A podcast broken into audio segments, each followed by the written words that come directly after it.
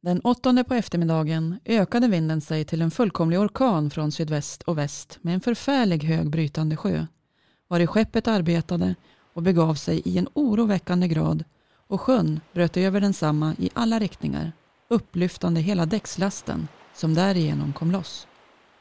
Det befanns då att skeppet fått en svår läcka och gav mycket vatten så att man var nödsagad att låta pumparna gå oupphörligt. Kapten Falman reste därefter över land till Kaos för att rådgöra med sina agenter därstädes för att skaffa sig nödig hjälp. Och sedan han erhållit två ångbåtar blev skeppet fört till Kaos Red varest det i säkerhet förtöjdes. Läckan fortfor oavbrutet.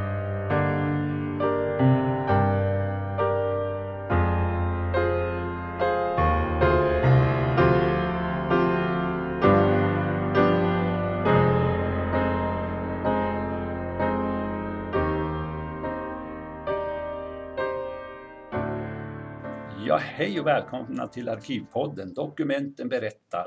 Vi befinner oss ju som vanligt i studion här på Arkivvägen 1 här i Östersund. Och jag heter Jim Hedlund, jag vikarierar idag för Martin Ahlström. Och som gäst idag har vi fått hit Mona Bergman från Härnösand som ska ta oss ut på sjön tror jag, eller hur? Ja, självklart. Jag kommer ju från kusten. Ja, du kommer ju från kusten. Och vilket dokument! Herregud vad stort och fint. Vad är det för någonting? Ja, alltså dokumentet som vi har med oss här nu då, det är en så kallad sjömansrulla. Och det är ju som du ser ett väldigt stort dokument. Ja. Det är ju ingen A4 utan det är nästan en meter högt och i princip en meter, inte en meter, en halv meter brett. Din Eh. affisch, det är ju en tavla. Ja, den är jättefin faktiskt. Eh, Helt Gud, klart. det här skulle ni se. Ja, det här blir kul att höra om. Mm. Visst.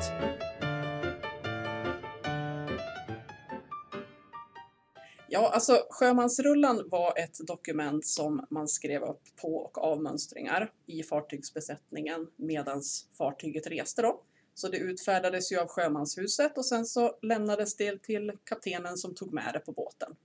Så att det fanns med hela resan. Så att det här pappret är ju berest, väldigt berest. Det har ju varit längre bort i världen än vad jag har varit. Jaha, jaha, ja.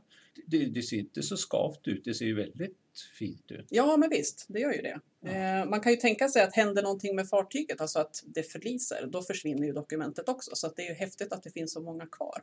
Ja, man kanske räddade besättning och manskap före de här rullorna förstås. Man hoppas ju det lite grann. Ja, det kan man ju hoppas.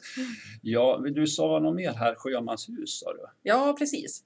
Det är ju, Sjömanshuset är ju då en, eh, drevs som en stiftelse. Det var ungefär som en arbetsförmedling kan man säga för sjöfolk. Så att det är där sjömän blev registrerade och det är där de skaffade sina jobb, sina uppdrag helt enkelt. Där registreras fartyg också så att man kan slå upp alla möjliga saker, både om båtar och resor och de som arbetar där på. Jajamän, och det här har ni ett antal förstås på, i Härnösand? Ja, men det har vi ju, för vi har ju Norrlandskusten så att det finns ju, jag vet inte hur många det är, tio kanske, sjömanshus, lite olika stora. Så att det här dokumentet som vi har framför oss då, det är från Härnösand, Härnösands sjömanshus. Eh, sjömanshus är ju någonting som har funnits väldigt länge. Det utfärdades ett regemente för svenska handelsflottan redan 1748. Och då bestämde man att det skulle inrättas ett sjömanshus i Stockholm då, som skulle gälla för hela landet. Men eh, redan 1752 så kom man fram till att det kanske borde vara smart att ha en i alla svenska stapelstäder. Stapelstäder? Ja, alltså städer som hade rätt att bedriva import och export till utlandet. Ah, bra. Stapelstäder, ärade lyssnare. Det är alltså städer där det man vet får... de redan, tror De jag. vet. De vet. Nej, det vet de inte. Jag visste inte det. Eh, ja. Men den äldsta sjömanshuset som vi har då i Härnösand, det är ju Gävle. För att de var först ut redan 1754. Men sjömanshuset i Härnösand som vi har det här dokumentet härifrån då, den, eh, där finns det sjömansrullar från 1770-talet i alla fall och framåt. Oj, 1770-tal. Mm. Det är häftigt att tänka för att Ja, det är ju, är det. om man jämför med dagens lastfartyg med containrar så är det ju, de är ju väldigt mycket större men det här Ja, måste ju ja. ha varit en större strapats ändå. Visst är det det. Och sen ska man ut för- förbi, ut och sen ut på rätt, jag säger rätta havet tyvärr. Men Mm. Atlanten och ska du ända ner till, nu då, till Australien då, Precis. då har man sina fiskar varma tror jag. Mm, absolut.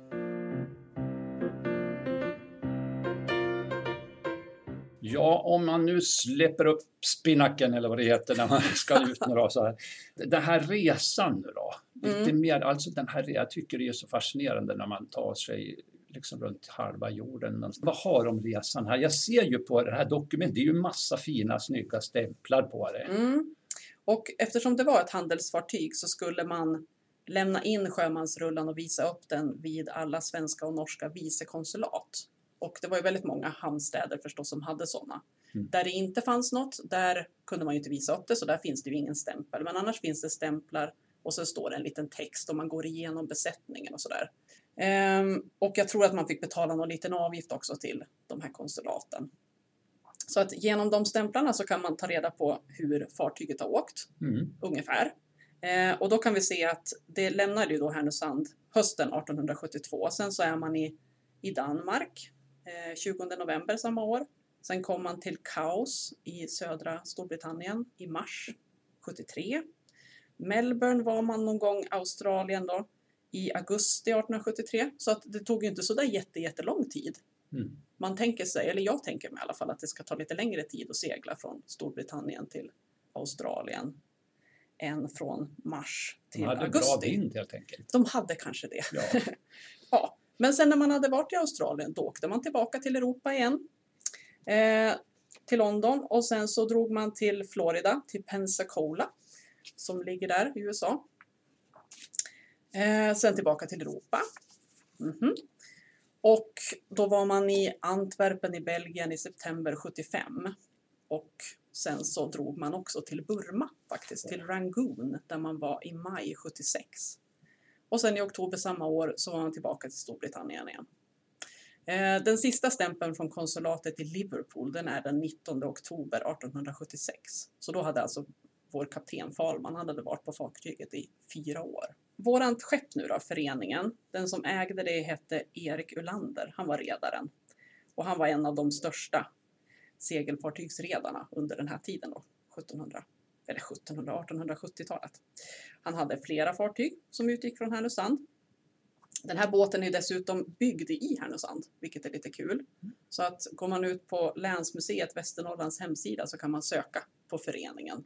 Och då får man upp bild från 1860-talet från varvet när det byggdes, alltså fotografi. Så ja, det är ju lite kul. jättehäftigt. Ja, ja. Visst? Ännu Men ett vår- arkiv att plocka Ja men precis, museet då. Ja. Ja. Eh, men den här Erik nu då, han, han var ju störst men han gick ju i konkurs förstås. Det kan jag ju berätta om honom. Oj, Visst. Han, eh, när man tittar i hans bouppteckning, han dog 1884.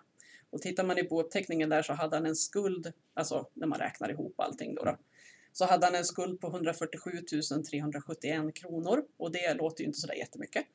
Men räknar man om det så blir det mer än 9 miljoner idag. åh gud, åh, stack. Ja, han Ja. sov dåligt på nätterna. Säkert. För man tänker Ja. sådär, en redare, han borde ha ganska mycket grejs. Men Ja. det är bara två sidor.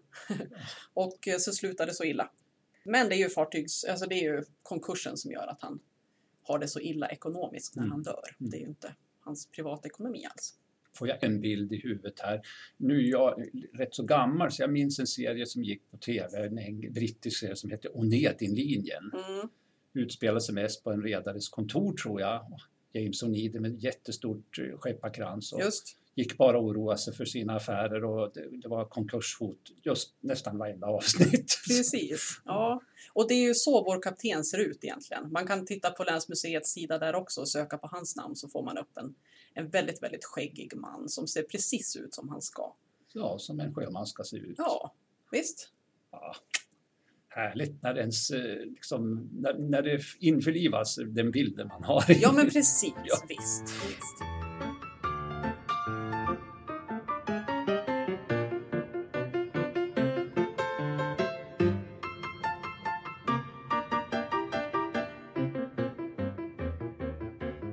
Ja, så den här eh, sjömansrullan då som vi har, det, den är ju jättefin som sagt. Det är ganska rörig text för att man har ju skrivit på den lite åt alla håll och kanter där det fanns plats. Så lite text är ju bredvid riksvapnet som är högst upp där med lejon och Ja, det var snyggt. tre kronor och ankare och lite rullat rep. Väldigt fint. Ja, Eh, Men sen så står det då sjömansrulla och det står vad skeppet hette och skeppet hette Föreningen. Det står också att det är ett skepp och då vet vi om vi kollar upp det eh, att det innebär ett segelfartyg med minst tre master. Det finns ju olika typer av båtar förstås. mm. Och sen så läser man vidare så står det om 385 och 5 tiondels nyläster. Och det ja. förstår ju alla, tänker jag. Ja, men jag skulle ändå vilja höra om du kan. Nej, jag, jag, jag kan väl erkänna, jag förstår inget. Nyläst, vad är det? Nej, precis. Eh, läst är ju då ett mått som användes för att ange ett fartygs lastförmåga eller dräktighet, Okej, säger man också. Det tycker jag är lite roligt. dräktighet. Ja, hur mycket man kunde lasta. Och nyläst, det handlar om vikt och en nyläst var 4,25 ton. Så att räknar man ut lite snabbt, vilket vi förstås har förberett, så kommer man fram till att vårt fartyg kunde lasta mer än 1000 ton, alltså nästan ett och ett halvt tusen ton på båten. Oj, oj, oj. Vet du någonting om vad är det då för last? Vad kan det vara för? Ja, alltså det står ju inte på sjömansrullan eh, vad lasten är, men det är då vi kommer till de här andra arkiven som kan vara bra. Och då finns det ett, en liten pärla som heter Norrlands sjöassuransförening. Det var som ett försäkringsbolag kan man säga. Ja, Så att där kunde redare försäkra sina segelfartyg och få ut ekonomiskt bistånd förstås om, om något gick snett, vilket det ju gjorde hela tiden. Mer eller mindre, alltså små skador verkar det ju ha varit hela tiden. ja, ja. ja. Okej. Ja, så då kunde man få ekonomisk, ja, som en försäkring helt enkelt. Det är ju så att man, ett arkiv ofta så måste man pussla med flera. Man pusslar ihop historien om någonting. Ja, ja, visst, absolut. Eh, det, I de här nu Sjöassuransföreningen så finns det någonting som heter dispatchböcker. Och dispatch, ja, det är ju ett svårt ord förstås. Ja, dispatch. Ja, men det handlar om utredning av förluster och kostnader vid fartygshaveri och hur kostnaderna fördelas mellan rederiet och den som ägde lasten. Eh, och givetvis Sjöassuransföreningen. Då. Så att vem ska betala när man behöver köpa en ny, ett nytt, eller man behöver laga seglet säger vi. Precis. Vem ja, ska betala den kostnaden? Så delas det upp så. ja, Så att eh, man får titta, så finns det ett fint register längst fram så att man får titta det året som man är ute efter. Så får man slå upp den sidan och sen finns det sida upp och sida ner med beskrivningar av vad som har hänt och listor som en, ja men, vilka kostnader har varit och sådär. Mm, mm. Precis. Men där i alla fall, om man slår upp den här fartyget så får vi reda på att de hade i lasten trävaror. Inte helt oväntat, tänker man ju. Nej, det är ju inte. Vad sa du? Det var 1870, 1872.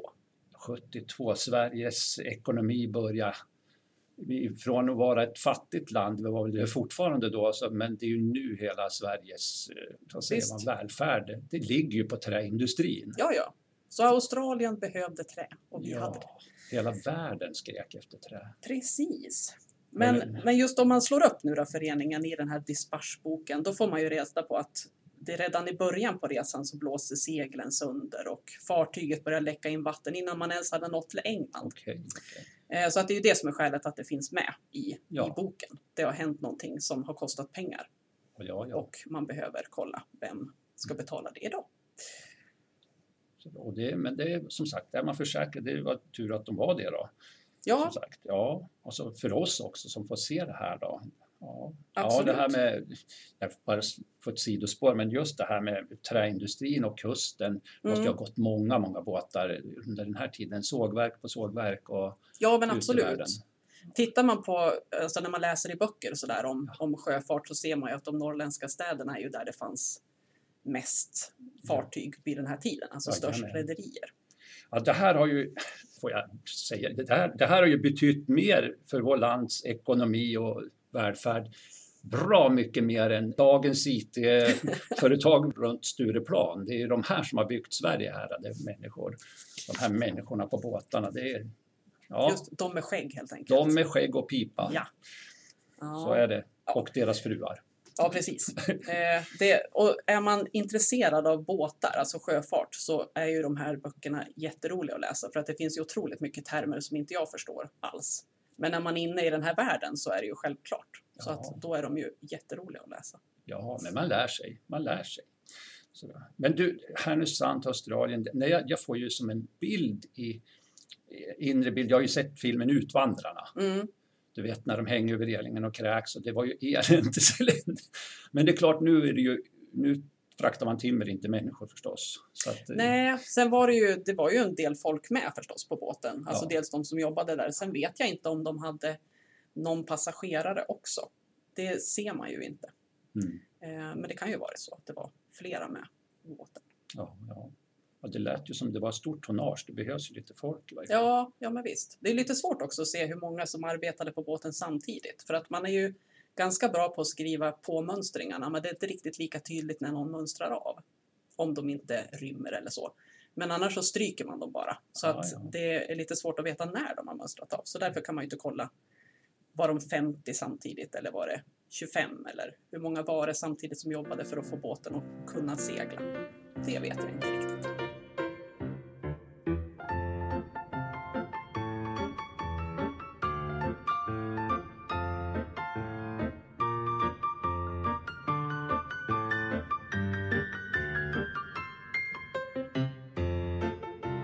Ja, men eh, vidare då. Du sa, du, du pratade om yrken här. Mm. Vilka är det som jobbar på en båt? För ja, kapten fattar ju jag. om. Kaptenen förstås. Sen så finns det ju jättemånga eh, yrkesgrupper såklart. Kaptenen mönstrar ju på direkt innan. Det är väl han som väljer ut de som ska Ja, arbeta på båten kan man ju tänka sig i alla fall. när man ser på de här sjörövarfilmerna är det ju det. Ja, så då borde det ju vara så här också. Ja, det borde det ju. Ja, nej, men man hade ju en kock förstås. Man hade jungmän eh, och det är ju en oerfaren sjöman helt enkelt. Ah. En lite nybörjare sådär. Eh, och sen hade man ju lättmatroser, en styrman förstås, som också var ganska högt i hierarkin. Timmerman hade man som lagade båten. Det förstår man ju att det är ganska viktigt. Eh, eftersom den gick sönder, delar av den då och då. Och sen fanns det faktiskt en konstapel en så, alltså den titeln. Eh, och den hade, har jag läst, hand om maten. Alltså Jaha, han var inte förvaltade, polis. Han nej, utan han förvaltade och fördelade fartygets proviant. mhm, höll ordning på kosten kan man säga. Precis. Ja, vad bra. Visst, och sen så när, man, när fartyget hade gått en bit nu då och man behövde anställa nya besättningsmän och man var utomlands, då använde man utländska titlar också. Så att då pratar man om able seamen och ordinary seamen. Så det var väl som matros och jungman skulle jag tro. Alltså Okej, ja. able är ju lite mer duktig, kompetent och ordinary är ju en vanlig lägre grad. I sjöfarten så är det ju väldigt likt militäriskt den här hier- hierarkin. Mm, absolut. Och kaptenens regler är det, det är ingen som går emot kaptenen, då kan det bli myteri. Alltså, Mm. så här. Jo, nej, men det är han som bestämmer, helt klart. Eh, jag kan tänka mig att titlarna och den hierarkiska ordningen var väldigt viktig. Mm. Eh, och när man läser sjölagen 1864 så står det där också att han får Kaptenen får, eh, om det behövs, om folk super eller beter sig eller är uppkäftiga eller inte riktigt lyder, så får han aga. Ja, De anställda som är under 18 i alla fall. det delades ut straff lite för, Absolut. på båten. Ja. Ja, Visst. Men det är klart, det är en väldigt avgränsad värld, så det är klart att det måste fungera. Ja, Annars är man väldigt ensam där ute på, Jo. på Atlanten. Du vet, det är så mycket från litteratur och film man, man har det här på båten, den hårda kaptenen och Mm. orättvis och ger straff. Och det, så givetvis var det väl inte så överallt det fungerade, men det är klart det är bra att göra film på sånt. Mm. Men han ser väldigt trevlig ut, vår kapten, Ja. faktiskt, på bilden där. Ja, vad härligt. Visst, Skepparkransen på plats. exakt.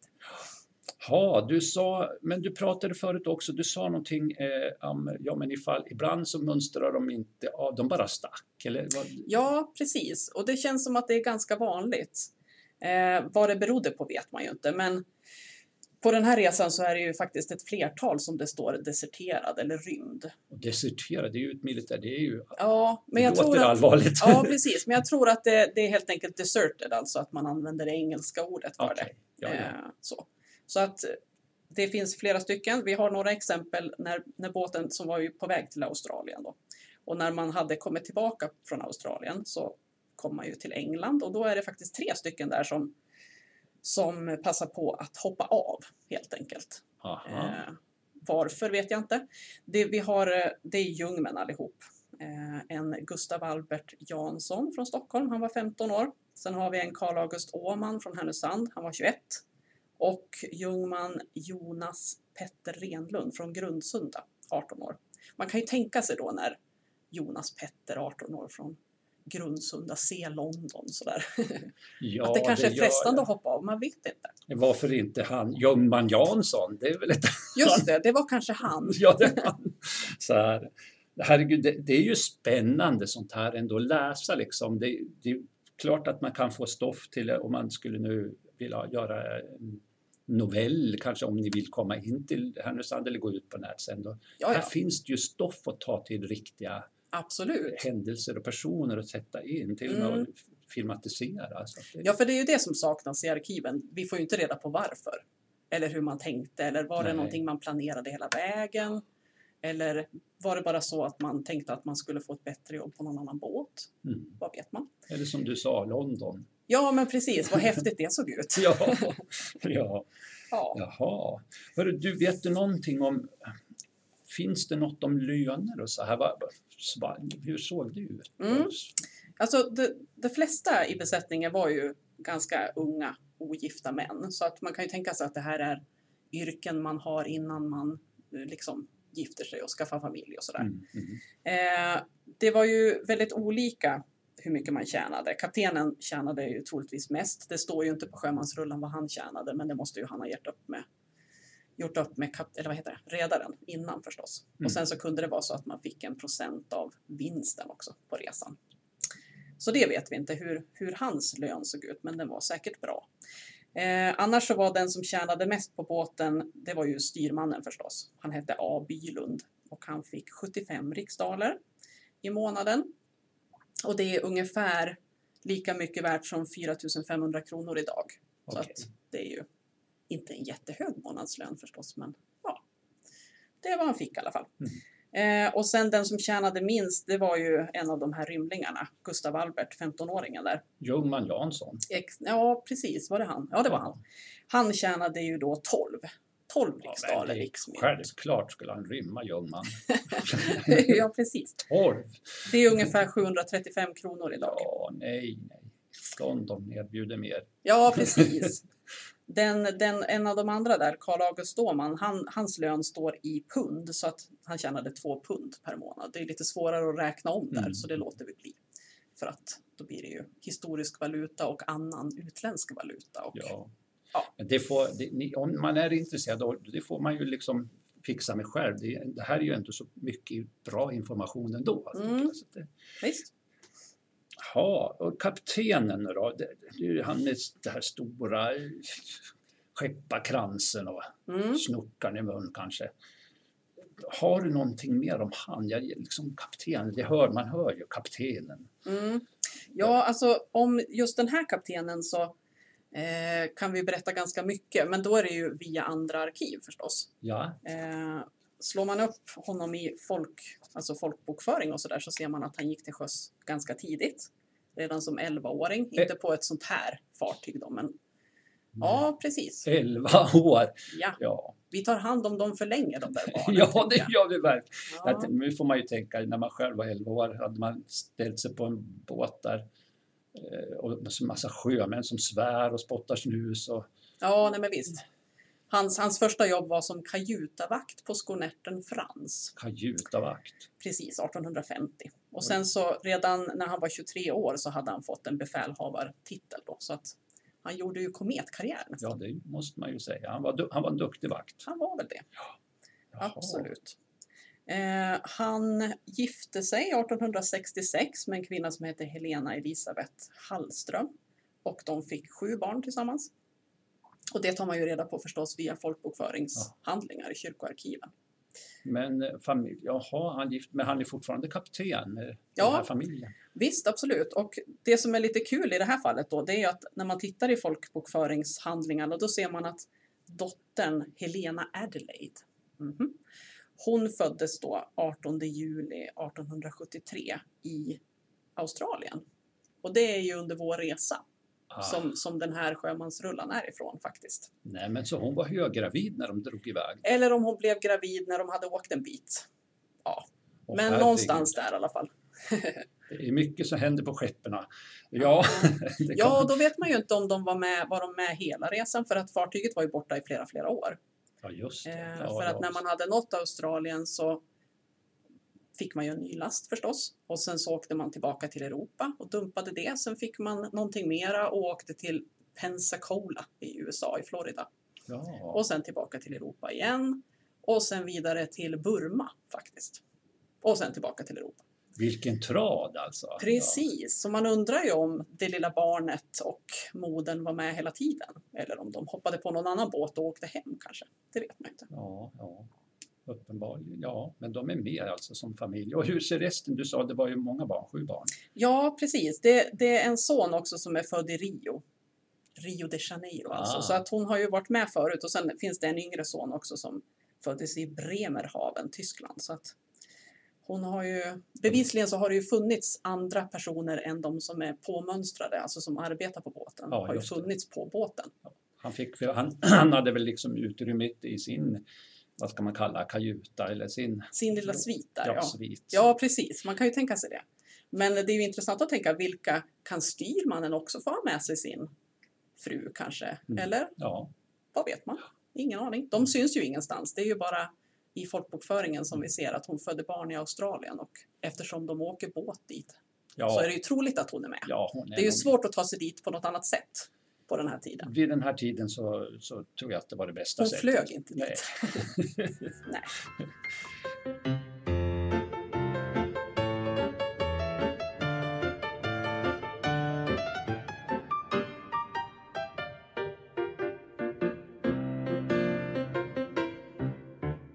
under den här, när de åker nu då, fartyget är ju aldrig, det åker ju aldrig utan last. Nej, Man- precis. Så att man låg ju i hamn jättelänge kan jag tänka Mm. mig i perioder. Dels för att laga fartyget, man fick lasta av allting och hissa Mm. upp det för att man hade problem med någon plåt eller så. Mm. Och sen så fick man ju skaffa sig en ny last för att annars gick man ju i ekonomisk förlust. Man kunde ju inte åka Mm. tillbaka från Australien tomhänt utan då fick ju, jag tror att det var kaptenens jobb lite grann, att skaffa sig nya jobb, Jaha. nya uppdrag helt enkelt. Så det var, jag, jag tänkte först rederiet hade mycket att göra här och liksom få till en trad och, och liksom logistik med Så kan det ju säkert vara också. man har. Och, Ja. ja. För att läser man i den här Sjöassurans, eh, ja, i det dokumentet så vid något tillfälle så fick han problem, jag tror att det var i början där, någon storm utanför England Mm. och då fick han ta sig in till land. De fick inte in båten i hamnen för att det blåste för mycket åt fel håll eller någonting.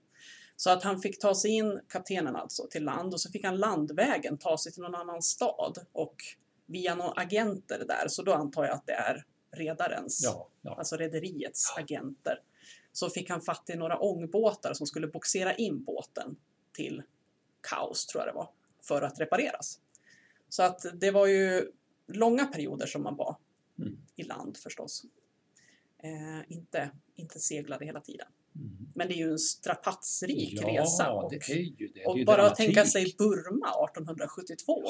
Att den lilla, nu vet jag inte om han var med, han från Grundsunda, han kanske hade rymt då i London, så han fick nog kanske inte se Burma tyvärr.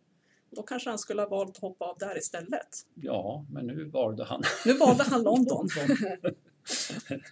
ja, nej, men det här, det, alltså det är ju, ja, jag vill se mer. Jag, vill, jag tycker det här är Ja, så... visst blir man nyfiken på Ja, de här rymlingarna? det. Det är ju så här. Ja, rymlingarna. Ja, jag förstår Ja. att det är dit du vill. Får jag höra mer om, fin, eller finns det något? Kan du? Ja, alltså om vi har våra tre stycken nu då. Mm. Eh, vi hade ju, vi ska se, vi kan påminna oss. Det var ju Ljungman Jansson. Ljungman Jansson, Gustav Albert och Jonas Petter Renlund. De försvann ju och de har jag inte kunnat hitta i folkbokförings... Alltså, de har inte kommit tillbaka så att de har blivit folkbokförda så att jag kan hitta dem. Aj, aj. Så de kanske tyckte London var trevligt. Vad vet Ja. vi? Det får man skriva en bok om och hitta på. Eh, men den här Karl August Åman, han kom tillbaka. Eh, det som är lite kul med honom det är ju att han, han mönstrade på i Australien, han som hade lön i pund. Eh, så att han mönstrade på i Australien, han var inte med från Sverige då. Utan han hade tagit sig till Australien genom att jobba på ett annat fartyg. Skeppet Weidenhjelm, som också gick från Härnösand. Ja, jag lite- tänkte just säga det lät svenskt. Ja men precis, lite tidigare än det här andra. Eh, så att han lämnade Härnösand i juni 72, några månader innan, innan vårt fartyg seglade iväg. Och sen så spenderade han ett par månader i Australien för att han rymde då i Port Adelaide, södra Australien, i juni 73. Så var han där några månader och mönstrade på vårat skepp i augusti. Eh, men sen kom han i alla fall tillbaka till Sverige från när han hade rymt till London Mhm. där. Och han står som sjökapten så att han gjorde ju också karriär. Det kanske inte var så jättefarligt att ha rymt till London. Att, Nej, men jag tänkte just säga, när det står rymning eller desertör och så här, då tänkte jag, men gud, då är de väl... Ja, om man tittar, nu tänker jag militärt, då är det ju riktigt kört. Ja, Men, men här kanske det var lite, jag har inte riktigt hittat faktiskt hur man blir straffad, alltså om man blir straffad för det riktigt sådär. man kanske bara om kaptenen på just den båten man stuckit fick tag på dem, då kanske det var lite segt. Ja, man kan ju tänka sig att det inte ser så där jättebra ut för det skrivs ju in förstås i min rulla på mitt eh, sjömanshus. Så Mm. att det ser väl kanske inte så jättebra ut i ens meritförteckning. man får visa att man fram har fötterna rymt. sen. Ja, precis. Det var väl så. Ja, men han, han, som sagt så kom han tillbaks, blev sjökapten, gifte sig och fick några barn och sen så utvandrade hela familjen till Amerika, till New York, Oj, ja. mm, 1886. Så att efter det vet vi inte riktigt vad som har hänt med honom, men det kan man ju forska reda på om man forskar i utländska källor förstås. Gud, alltså det är ju dels bara ett dokument, vi, tar, vi kommer hit med eh, den här sjömansrullan, jättefin och så här och så pusslar man in lite grann. Det går ju liksom att sirla ut det här till Mm. nästan vad som helst. Ja men absolut. Vi kan ju faktiskt också berätta vad som hände med båten, för att det Ja. vet vi också. Ja, Eh, och den här, den här båten då, föreningen. Eh, när Erik Ulander, den här redaren, hade gått i konkurs så ägdes båten av en annan Härnösandsredare som hette SZ Holmberg. Jag vet inte riktigt vad SZ står för, men Sven Zacharias kanske? Ja, Eller något. ja. Ehm, och tittar man då i Sjömanshusets fartygsregister så står det på båten kondemnerad och försåld i Cardiff 1887. Och kondemnerad, ja, den var alltså utdömd. Den hade gått så sönder. Så att då kan man ju faktiskt, och det har inte jag gjort, det lämnar jag öppet för alla lyssnare här nu, att eh, kolla i Sjöassuransföreningen för det året. Vad hände i Cardiff som gjorde att den gick så sönder så att man inte kunde använda den mer så att den såldes som träskrot? Vad vet vi? ja. Men det där borde är ju- stå där. Precis, Om där den fortfarande var, var försäkrad så borde man kunna se det där. Mona skickar här ut nu en passning till er lyssnare här att eh, det här är ju någonting man kan gå vidare med och titta vad hände med båten. En cliffhanger kan man En säga. cliffhanger, vad Ja. kul! Ja. Eh, vad härligt med du Mona. Vad, om jag nu är intresserad nu då, nu, nu kommer jag liksom, jag är ju en lantkrabba, jag liksom, men jag tycker ändå sånt här är spännande. Vad, vad, ge mig något tips, vart är det första jag gör? Vad, har jag för möjligheter? Jag, jag vet ju att Härnösand ligger på det här materialet. Mm, jo, alltså har man stötit på till exempel om man släktforskar att man har stötit på någon som det står sjöman på Mm. så kan man ju titta i de här källorna också för att få mer information om den personen, vilket ju är lite kul. Eh, då finns det en databas på Riksarkivets digitala forskarsal som man når via hemsidan över sjöfolk. Och det är flera, det är tio olika sjömanshus som man kan söka i och det är Härnösand, Gamla Karleby, Västervik, Hudiksvall, Söderhamn, Gävle, Karlskrona, Oskarshamn, Visby och Örnsköldsvik. Så att de har man gått igenom mönstrings, ja, inskrivningsböckerna och sådär. Så att där kan man söka på namn. Det är lite svårt för att ibland så heter ju någon bara jo.k. Så att man får ju söka på alla möjliga sätt. Mm, Alltså med mm. bara efternamnet och födelseåret eller så. Men det finns säkert tips där hur man gör. Så där kan man börja tycker jag. Ja. För då, då får man reda på, man kan få reda på resor. Slår man upp de här personerna så ser man ju och så står det ju rymd i Port Adelaide på, på vår Able Seaman, eller Ordinary Seaman var han kanske. Ehm, så så att det, det är väl en bra start tycker jag. Absolut. Och den här digitala forskarsalen, den kommer, ju åt, kommer man ju åt hemifrån. Ja, ja, visst. Och det här är ju bara en databas så att Ja. det är ju inga, man behöver inte titta på gammal skrivstil och försöka läsa utan det är ju en databas med maskintext förstås. Man går alltså ut på riksarkivet.se och där kan man ju klicka vidare. Då. Dels kunde man ju klicka på eh, Digitala forskarsalen. Digitala forskarsalen sa Ja. Och när man är där så går man in under databaser helt Ja. enkelt. Och så finns det en som heter Sjöfolk. Sjöfolk. Härligt! Ja. Men sen givetvis då om man nu blir intresserad, man har hittat så här och så tycker man, ja, man, man ska väl kanske, det är ändå häftigt om man gör ett besök när till Härnösand. Jo men såklart, då Och- är man intresserad mer av just fartyget och allt som händer med det med förhydningsplåtproblematik och segel, ja, trasiga Ja, ja. segel och termer och det här Precis. det där som folk som är intresserade av någonting kan bli väldigt intresserade Ja, av. Då är ju det en fantastisk guldgruva. Så nördar ni ner riktigt nu, då, då är det... Då är det, Då är det Sjöassuransföreningen. Ja, Mhm. i, på Landsarkivet i Härnösand. Så- Precis. Och, och de, de, ni kan ju till och med komma, Mona, jag, jag har förstått, hon kan ju så gott som allt om det här så att ni kan ju höra av er Ja. till Mona Bergman Just så det. slussar Ja, hon er vidare. det kan jag ju inte. Men jag vet vart man hittar i alla fall. Ja. Det är ju det vi vet. Vi vet Ja. ju mer vart man hittar saker än vad saker betyder. Ja, och det är ju det som är... Det är det som är vårt jobb jobb. ska man ju göra själv också när man kommer. Så här. Ja, Vad trevligt. Ja. Men ja, vad säger vi? Vad, tycker du? Vi ska vi... Får jag köpa det här förresten? Det är ju så vackert. Min utskrift får du köpa absolut. Den är väldigt dyr. Okej. Mm. Hörru, jättetrevligt att ha det här Mona. Ja. Jättekul att du kom hit. Du är hjärtligt välkommen mer på någon mer podd förstås. Så gärna. Och eh, ja, jag säger väl också tack för att ni lyssnade på det här och välkomna att lyssna mer. Det kommer ju många mer spännande poddar som, om dokument som berättar. Mm. Okej, ha det så gott allihopa. Hej då!